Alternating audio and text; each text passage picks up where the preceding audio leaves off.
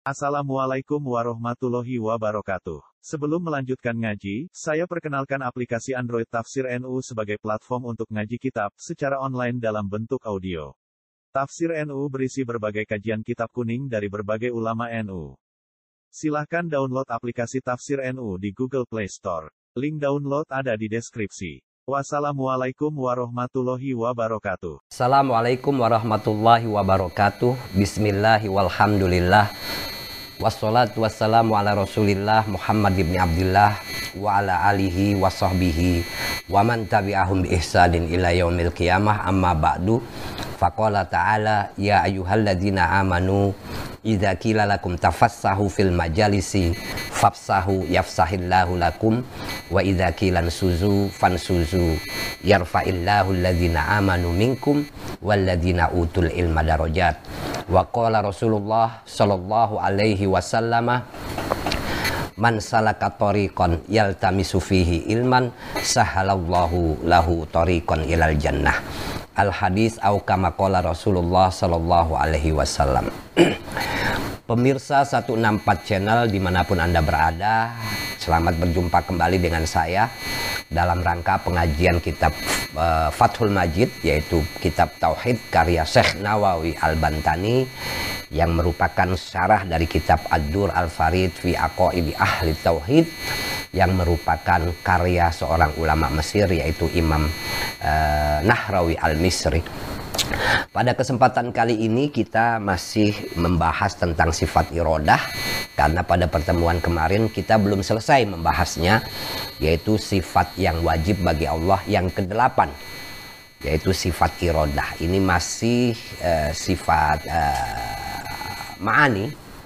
Nanti ma'ani itu artinya sifat potensial. Karena irodah maka Allah itu menjadi murid.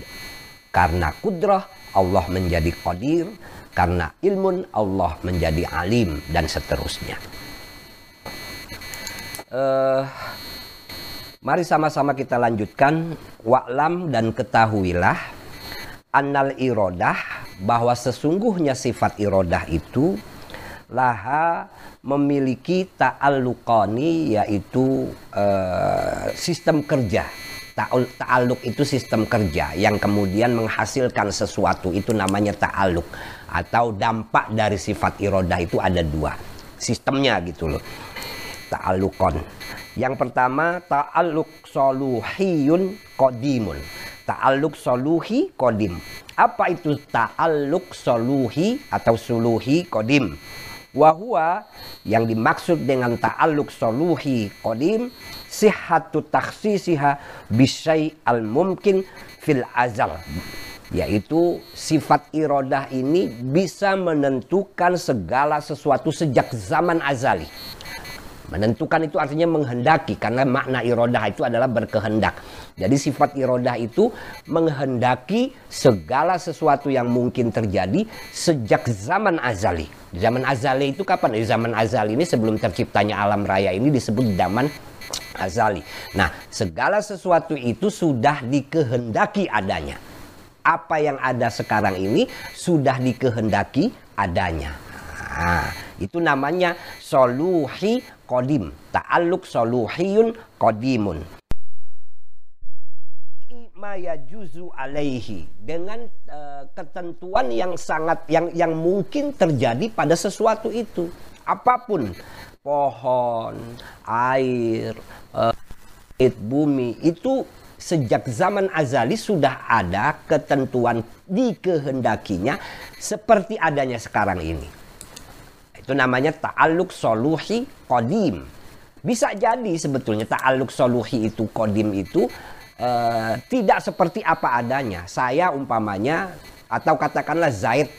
Zaid itu umpamanya sekarang ini dia adanya sebagai manusia yang putih di Jakarta Baya atau ada ini dulu soluhi kodim Daud eh Zaid itu dikehendaki bisa jadi dikehendaki berbeda dengan adanya Zaid sekarang ini. Nah itu namanya ta'aluk soluhi kodim. Jadi sistem uh, efektivitas dari sifat irodah itu pada zaman azali dulu itu namanya ta'aluk soluhi kodim dan itu uh, masih belum apa namanya uh, bisa berubah bukan bisa berubah tapi bisa saja dia irodah itu menghendaki se -se sesuatu atau orang tidak seperti yang adanya sekarang ini. Nah, contohnya fazaidun fazaidun maka seperti uh, Zaid atau wil yang tinggi karena itu bisa jadi ya juzu ayakuna ala ghairi ma huwa alaihi. Bisa jadi Zaid yang tinggi itu di dalam soluhi kodim bisa jadi dia tidak tinggi gitu. Tapi nanti ada ta'aluk tanjizi. Ta'aluk tanjizi ini yang mengkhususkan atau yang menentukan keadaan sesuatu atau manusia seperti adanya sekarang ini. Itu juga di zaman azali namanya ta'aluk tanjizi kodim. Nah, Fazaidun at-tawilu maka Zaid yang tinggi itu karena ya juzu ayakuna ala ghairi ma alaihi. Bisa jadi di dalam ta'aluk yang dulu itu yang soluhi, yang kodim bahwa Zaid itu ya bisa tinggi, bisa pendek gitu loh. Bisa hitam, bisa putih.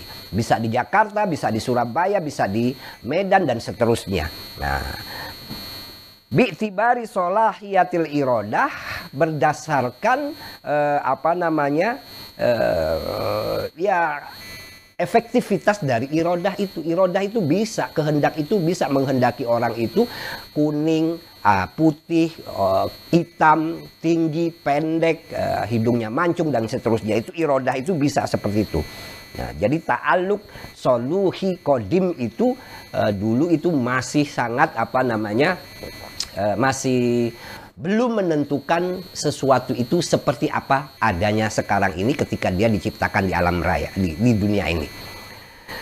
Fahia maka yang namanya irodah solihatun itu bisa saja li antu untuk menentukan menentukan siapa Zaid dan Zaid menentukan menjadi apa? Bikaunihi sultanan, menjadi seorang penguasa. Bisa dulu Irodah itu menentukan Zaid itu menjadi seorang penguasa. Wabikaunihi zabalan atau menjadi ya rakyat jelata. Bisa Irodah itu zaman dulu. Zaman dulu itu artinya zaman azali. E, zaman sebelum terciptanya alam raya.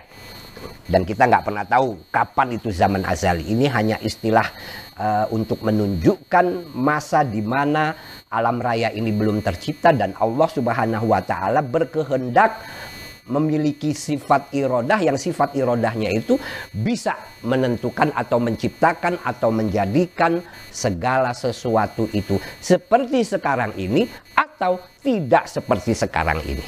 Nah, jadi Allah itu dulu dengan kehendaknya bisa saja menghendaki Zaid itu seorang penguasa atau Zaid itu sebagai rakyat jelata. Nah ini namanya ta'aluk soluhi kodim. Jadi efektivitas dari sifat irodah itu yang ada di zaman dahulu. Maka ber, maka ada sifat kodim di situ terdahulu. Kodim.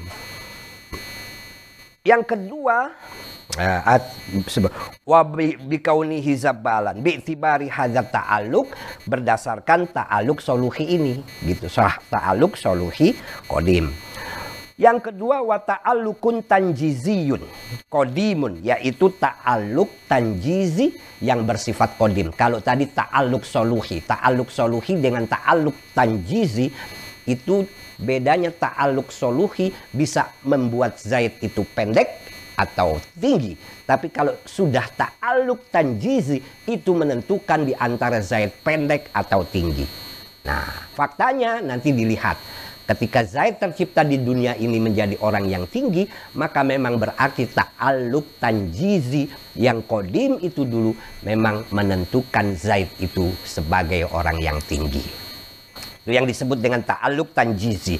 Ta'aluk tanjizi itu artinya berlaku Sementara ta'aluk soluhi itu artinya potensi kejadian. Bisa tinggi, bisa pendek.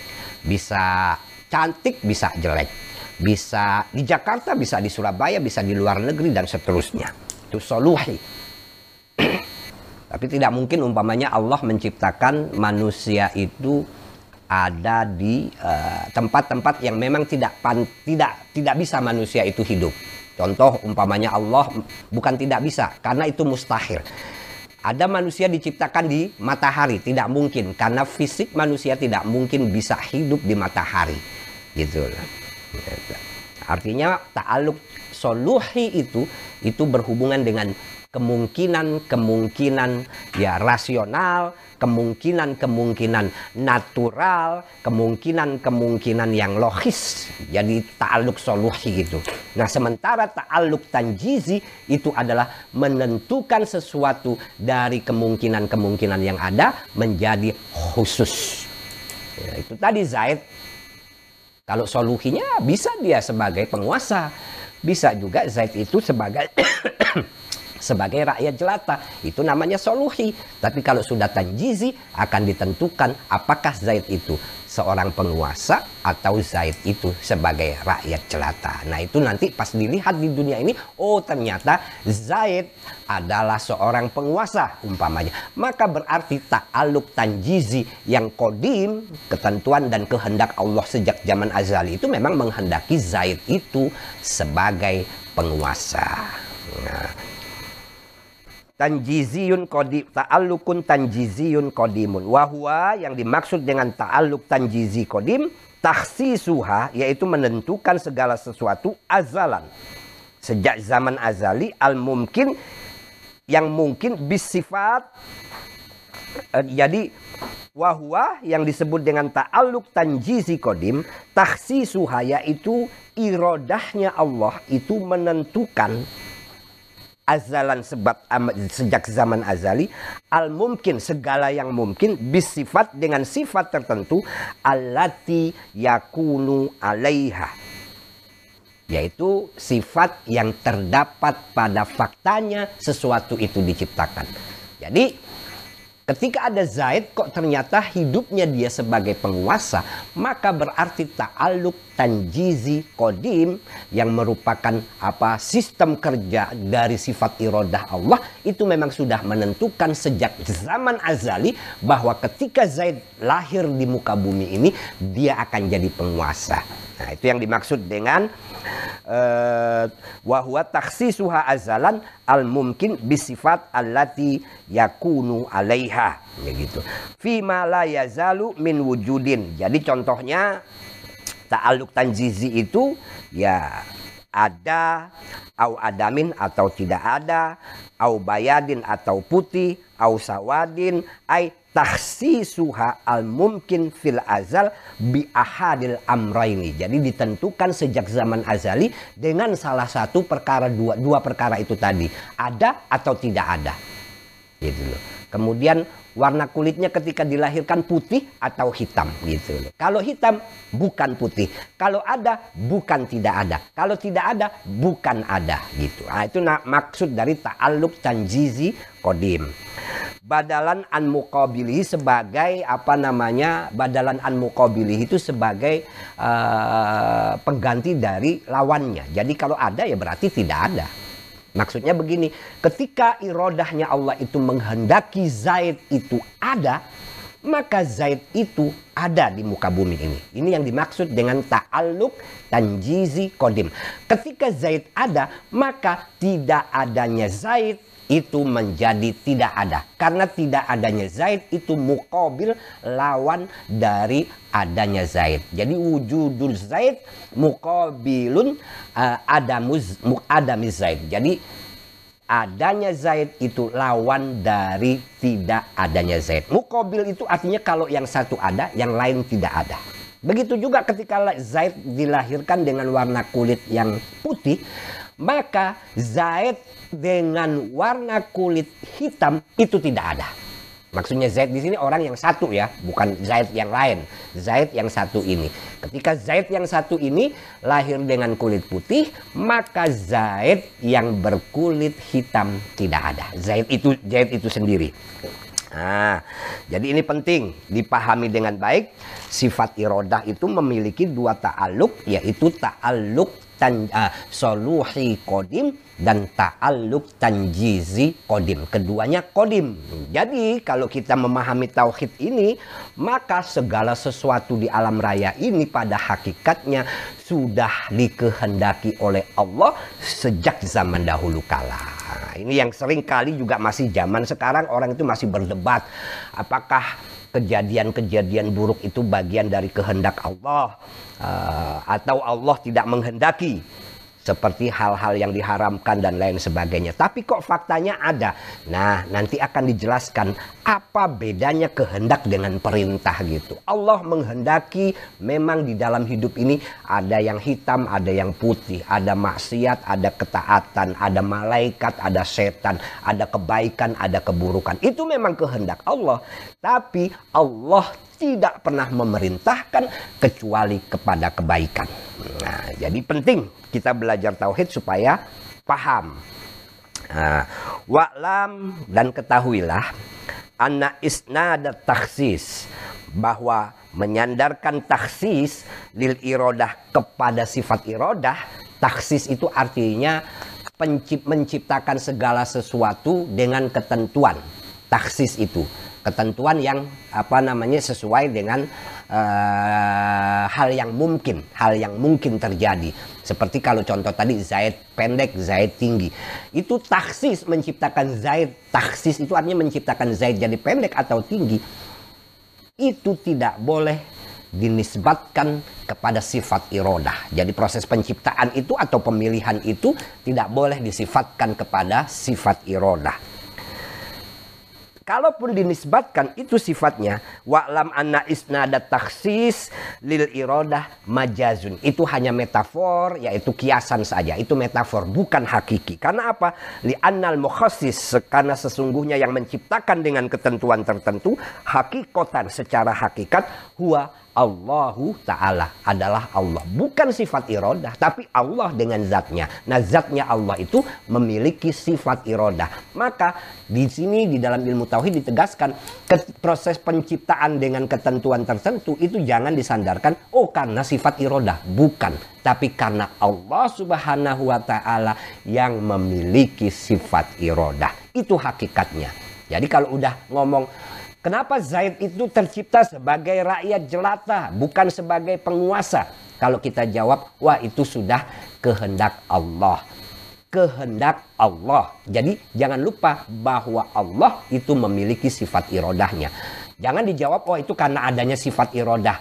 Nah dalam ilmu tauhid ini penting di apa namanya diperhatikan, diingatkan bahwa menyandarkan taksis itu tadi menciptakan dengan kejadian tertentu jika disandarkan hanya kepada sifat irodah itu tidak dibenarkan. Maka yang benar adalah bahwa kejadian tertentu Zaid menjadi rakyat jelata atau Zaid menjadi penguasa itu berdasarkan kehendak Allah bukan hanya sifat irodahnya saja tapi sifat irodah yang ada pada Allah zatnya.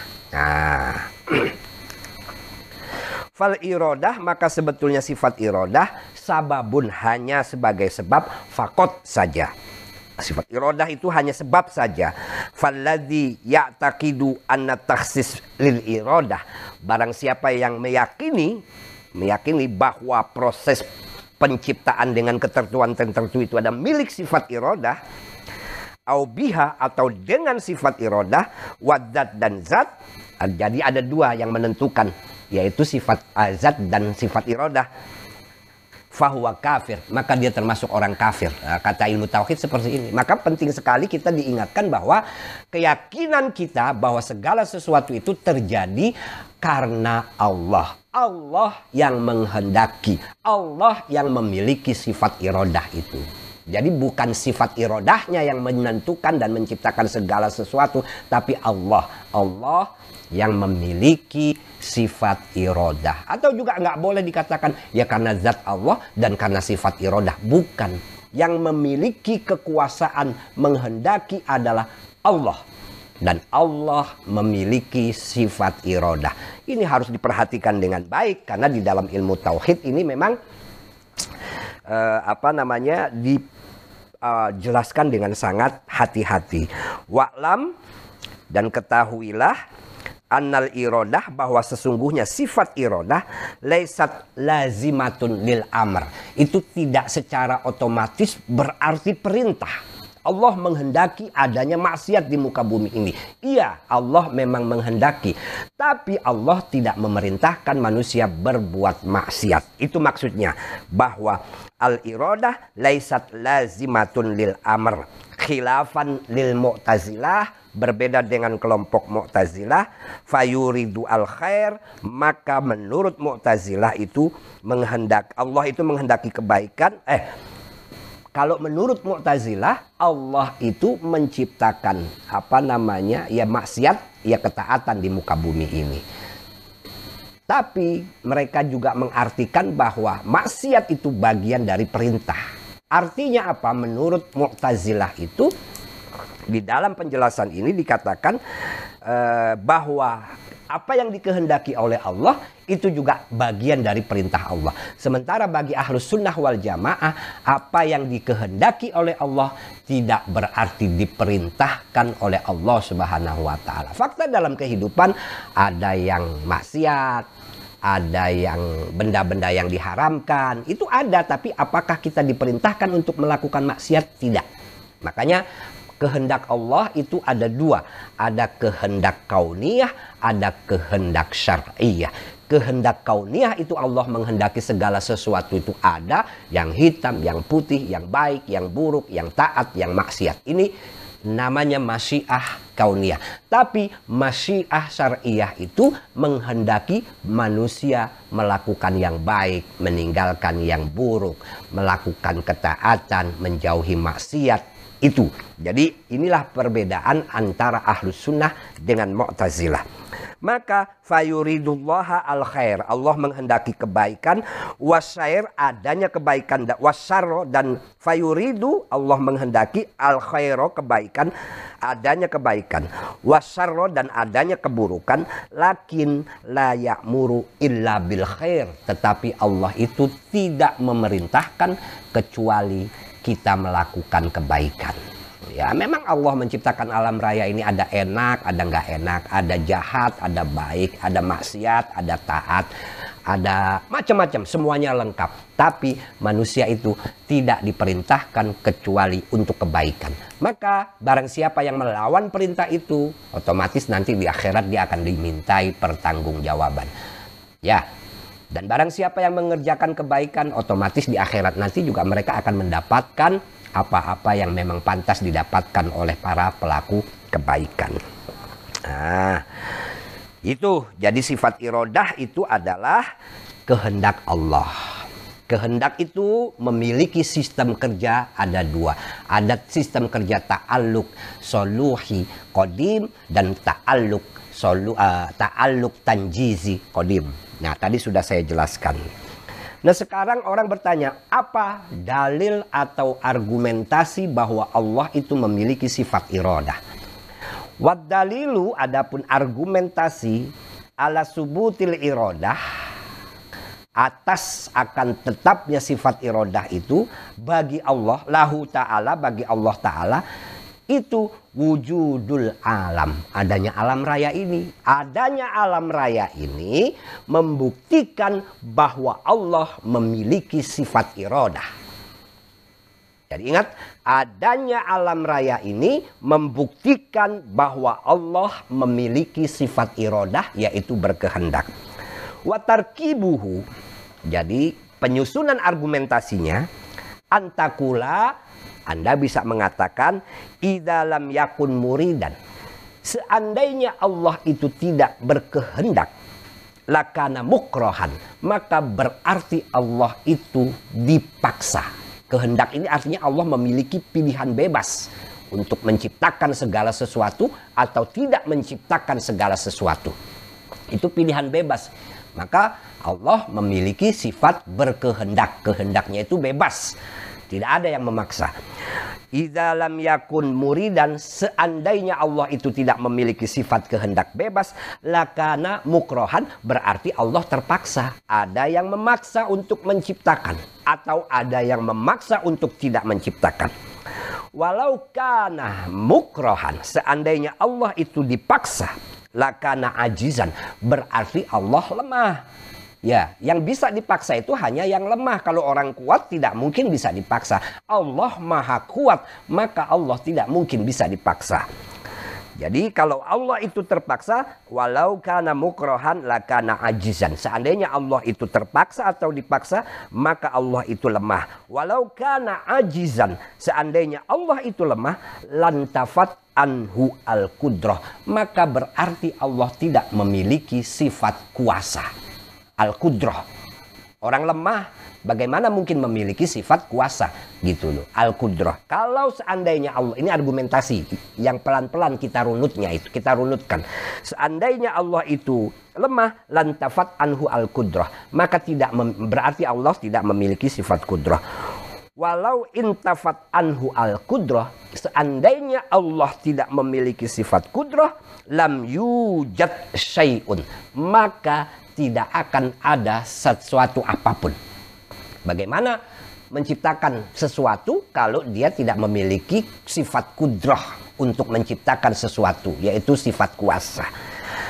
Walam lam yujad syai'um minal alam tidak akan ada satu pun dari alam raya ini. Baik gunung, langit, sampai hal-hal yang kecil. Beras kayak kutu, nyamuk, dan lain sebagainya. Tentu tidak akan ada seandainya Allah itu tidak memiliki sifat kudrah.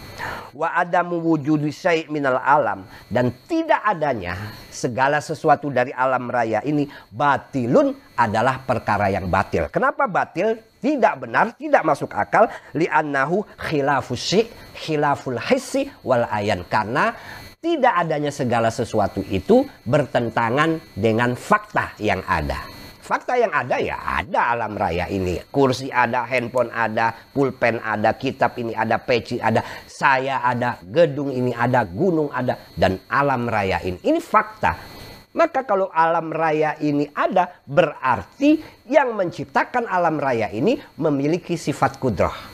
Kalau dia memiliki sifat kudroh, berarti dia tidak lemah. Kalau dia tidak lemah, berarti dia ke, berkehendak. Nah itu urutan kebalikannya. Begitu loh. Nah, li'annahu khilafa khilaful hissi wal ayan fabatola maka batallah ma ada ilaihi segala sesuatu yang mengatakan bahwa uh, Allah Subhanahu wa taala itu lemah. Wa huwa yaitu uh, ajzuhu taala lemahnya Allah Subhanahu wa taala. Wa idza intafat al ajzu ketika Allah itu tidak memiliki sifat lemah, intafat al anhu al karoha, maka berarti Allah juga tidak terpaksa, tidak bisa dipaksa. Karena Allah tidak lemah, maka Allah tidak bisa dipaksa atau tidak dipaksa. Wasabata maka menjadi apa namanya pastilah atau tetaplah nakiduha yaitu lawan dari sifat karoha apa wahua al-irodah. Lawan dari sifat karoha itu adalah al-irodah, yaitu berkehendak. Kehendaknya ini bebas, tidak ada yang menentukan, tidak ada yang memaksa. Allah menciptakan alam raya ini berdasarkan kehendaknya sendiri. Bahkan seandainya Allah tidak ingin menciptakan alam raya ini, alam raya ini tidak akan ada. Maka menciptakan alam raya ini menunjukkan Allah itu memiliki kehendak bebas dan kehendaknya itu tidak dipengaruhi oleh apa pun wahwa al irodah wa idza sabatalahu al irodah ketika Allah itu dipastikan memiliki sifat irodah istahala maka mustahillah alaihi bagi Allah Subhanahu wa taala. Apa yang mustahil? Al karohah sifat terpaksa. Allati hiya diddul irodah di mana sifat terpaksa ini merupakan lawan dari irodah Inilah argumentasi yang menegaskan bahwa Allah itu memiliki sifat irodah atau berkehendak. Itu loh. Maka dalam beberapa penjelasan soal ilmu tauhid ini ada yang menarik dulu uh, pernah terjadi dialog antara Nabi Adam dengan Nabi Musa. Jadi Nabi Musa itu bertemu dengan Nabi Adam. Dalam dalam kitab ini dijelaskan bahwa Ya tentu setelah Nabi Musa meninggal dunia. Nabi Musa itu memprotes dan mempertanyakan kepada Adam, "Wahai Adam, engkaulah abah, engkau adalah bapak kami. Engkau adalah nabi pertama. Kenapa engkau dulu menjadi penyebab keluarnya kami dari surga?" kata Nabi Musa. Kata Adam, "Wahai Nabi Musa," katanya, Kenapa engkau harus memprotes kejadian yang memang sudah ditentukan oleh Allah puluhan, ribuan tahun sebelum aku diciptakan, kata Nabi Adam seperti itu. Kan kalau dalam kisah-kisah itu tadinya Nabi Adam diciptakan di dalam surga, tapi karena kemudian tergoda memakan uh, buah-buah larangan di sana yang kemudian menyebabkan Nabi Adam dan Siti Hawa harus turun dari surga ke muka bumi ini. Nah, Nabi Musa pernah protes. Nah, protesnya Nabi Musa itu kemudian dikembalikan kepada si siapa namanya? Uh, oleh Adam kepada Nabi Musa sendiri. Wahai Musa, engkau ini adalah nabi yang mulia. Engkau adalah nabinya Bani Israel. Engkau adalah uh, nabi yang pernah diajak bicara dengan Allah oleh Allah Subhanahu wa taala. Kenapa engkau memprotes mempertanyakan kejadian yang aku sendiri tidak apa namanya kata Nabi Adam yang sudah ditentukan oleh Allah puluhan atau bahkan ribuan tahun sebelum alam raya ini diciptakan yaitu Adam makan buah yang dilarang di dalam surga yang kemudian menyebabkan Adam itu keluar dari surga. Musa protes, kenapa engkau menjadi penyebab kita semua keluar dari surga? Adam menjawab ya itu memang sudah bagian dari kehendak kehendak Allah Subhanahu wa taala. Jadi intinya tidak ada satupun di muka bumi perkara yang terjadi di luar kehendak Allah Subhanahu wa taala. Cuman kadang-kadang orang juga banyak yang masih apa namanya tidak bisa menempatkan antara kehendak dengan perintah. Kehendak itu adalah sesuatu yang terjadi atau dicipta apa mm, fakta yang memang dikehendaki oleh Allah secara umum. Tapi di dalam fakta itu manusia diberikan kebebasan untuk memilih antara yang A, yang B, yang C, dan seterusnya. Antara yang baik dan yang buruk. Maka kehendak itu tidak berarti perintah. Yang diperintahkan oleh Allah itu pasti kebaikan. Artinya secara umum Allah menciptakan alam raya ini ada perkara baiknya, ada perkara buruknya. Tapi yang Allah ciptakan, yang Allah perintahkan kepada manusia itu adalah melakukan perkara-perkara yang baik. Itu sebabnya di dalam rukun iman, iman kita kepada asal iman yang keenam itu adalah percaya kepada kodok dan kodarnya Allah Subhanahu wa taala, ketentuan Allah Subhanahu wa taala. Khairihi wa syarrihi, yang baik dan yang buruk. Ini menyangkut irodahnya Allah Subhanahu wa taala bahwa Allah itu menghendaki ada yang baik, ada yang buruk.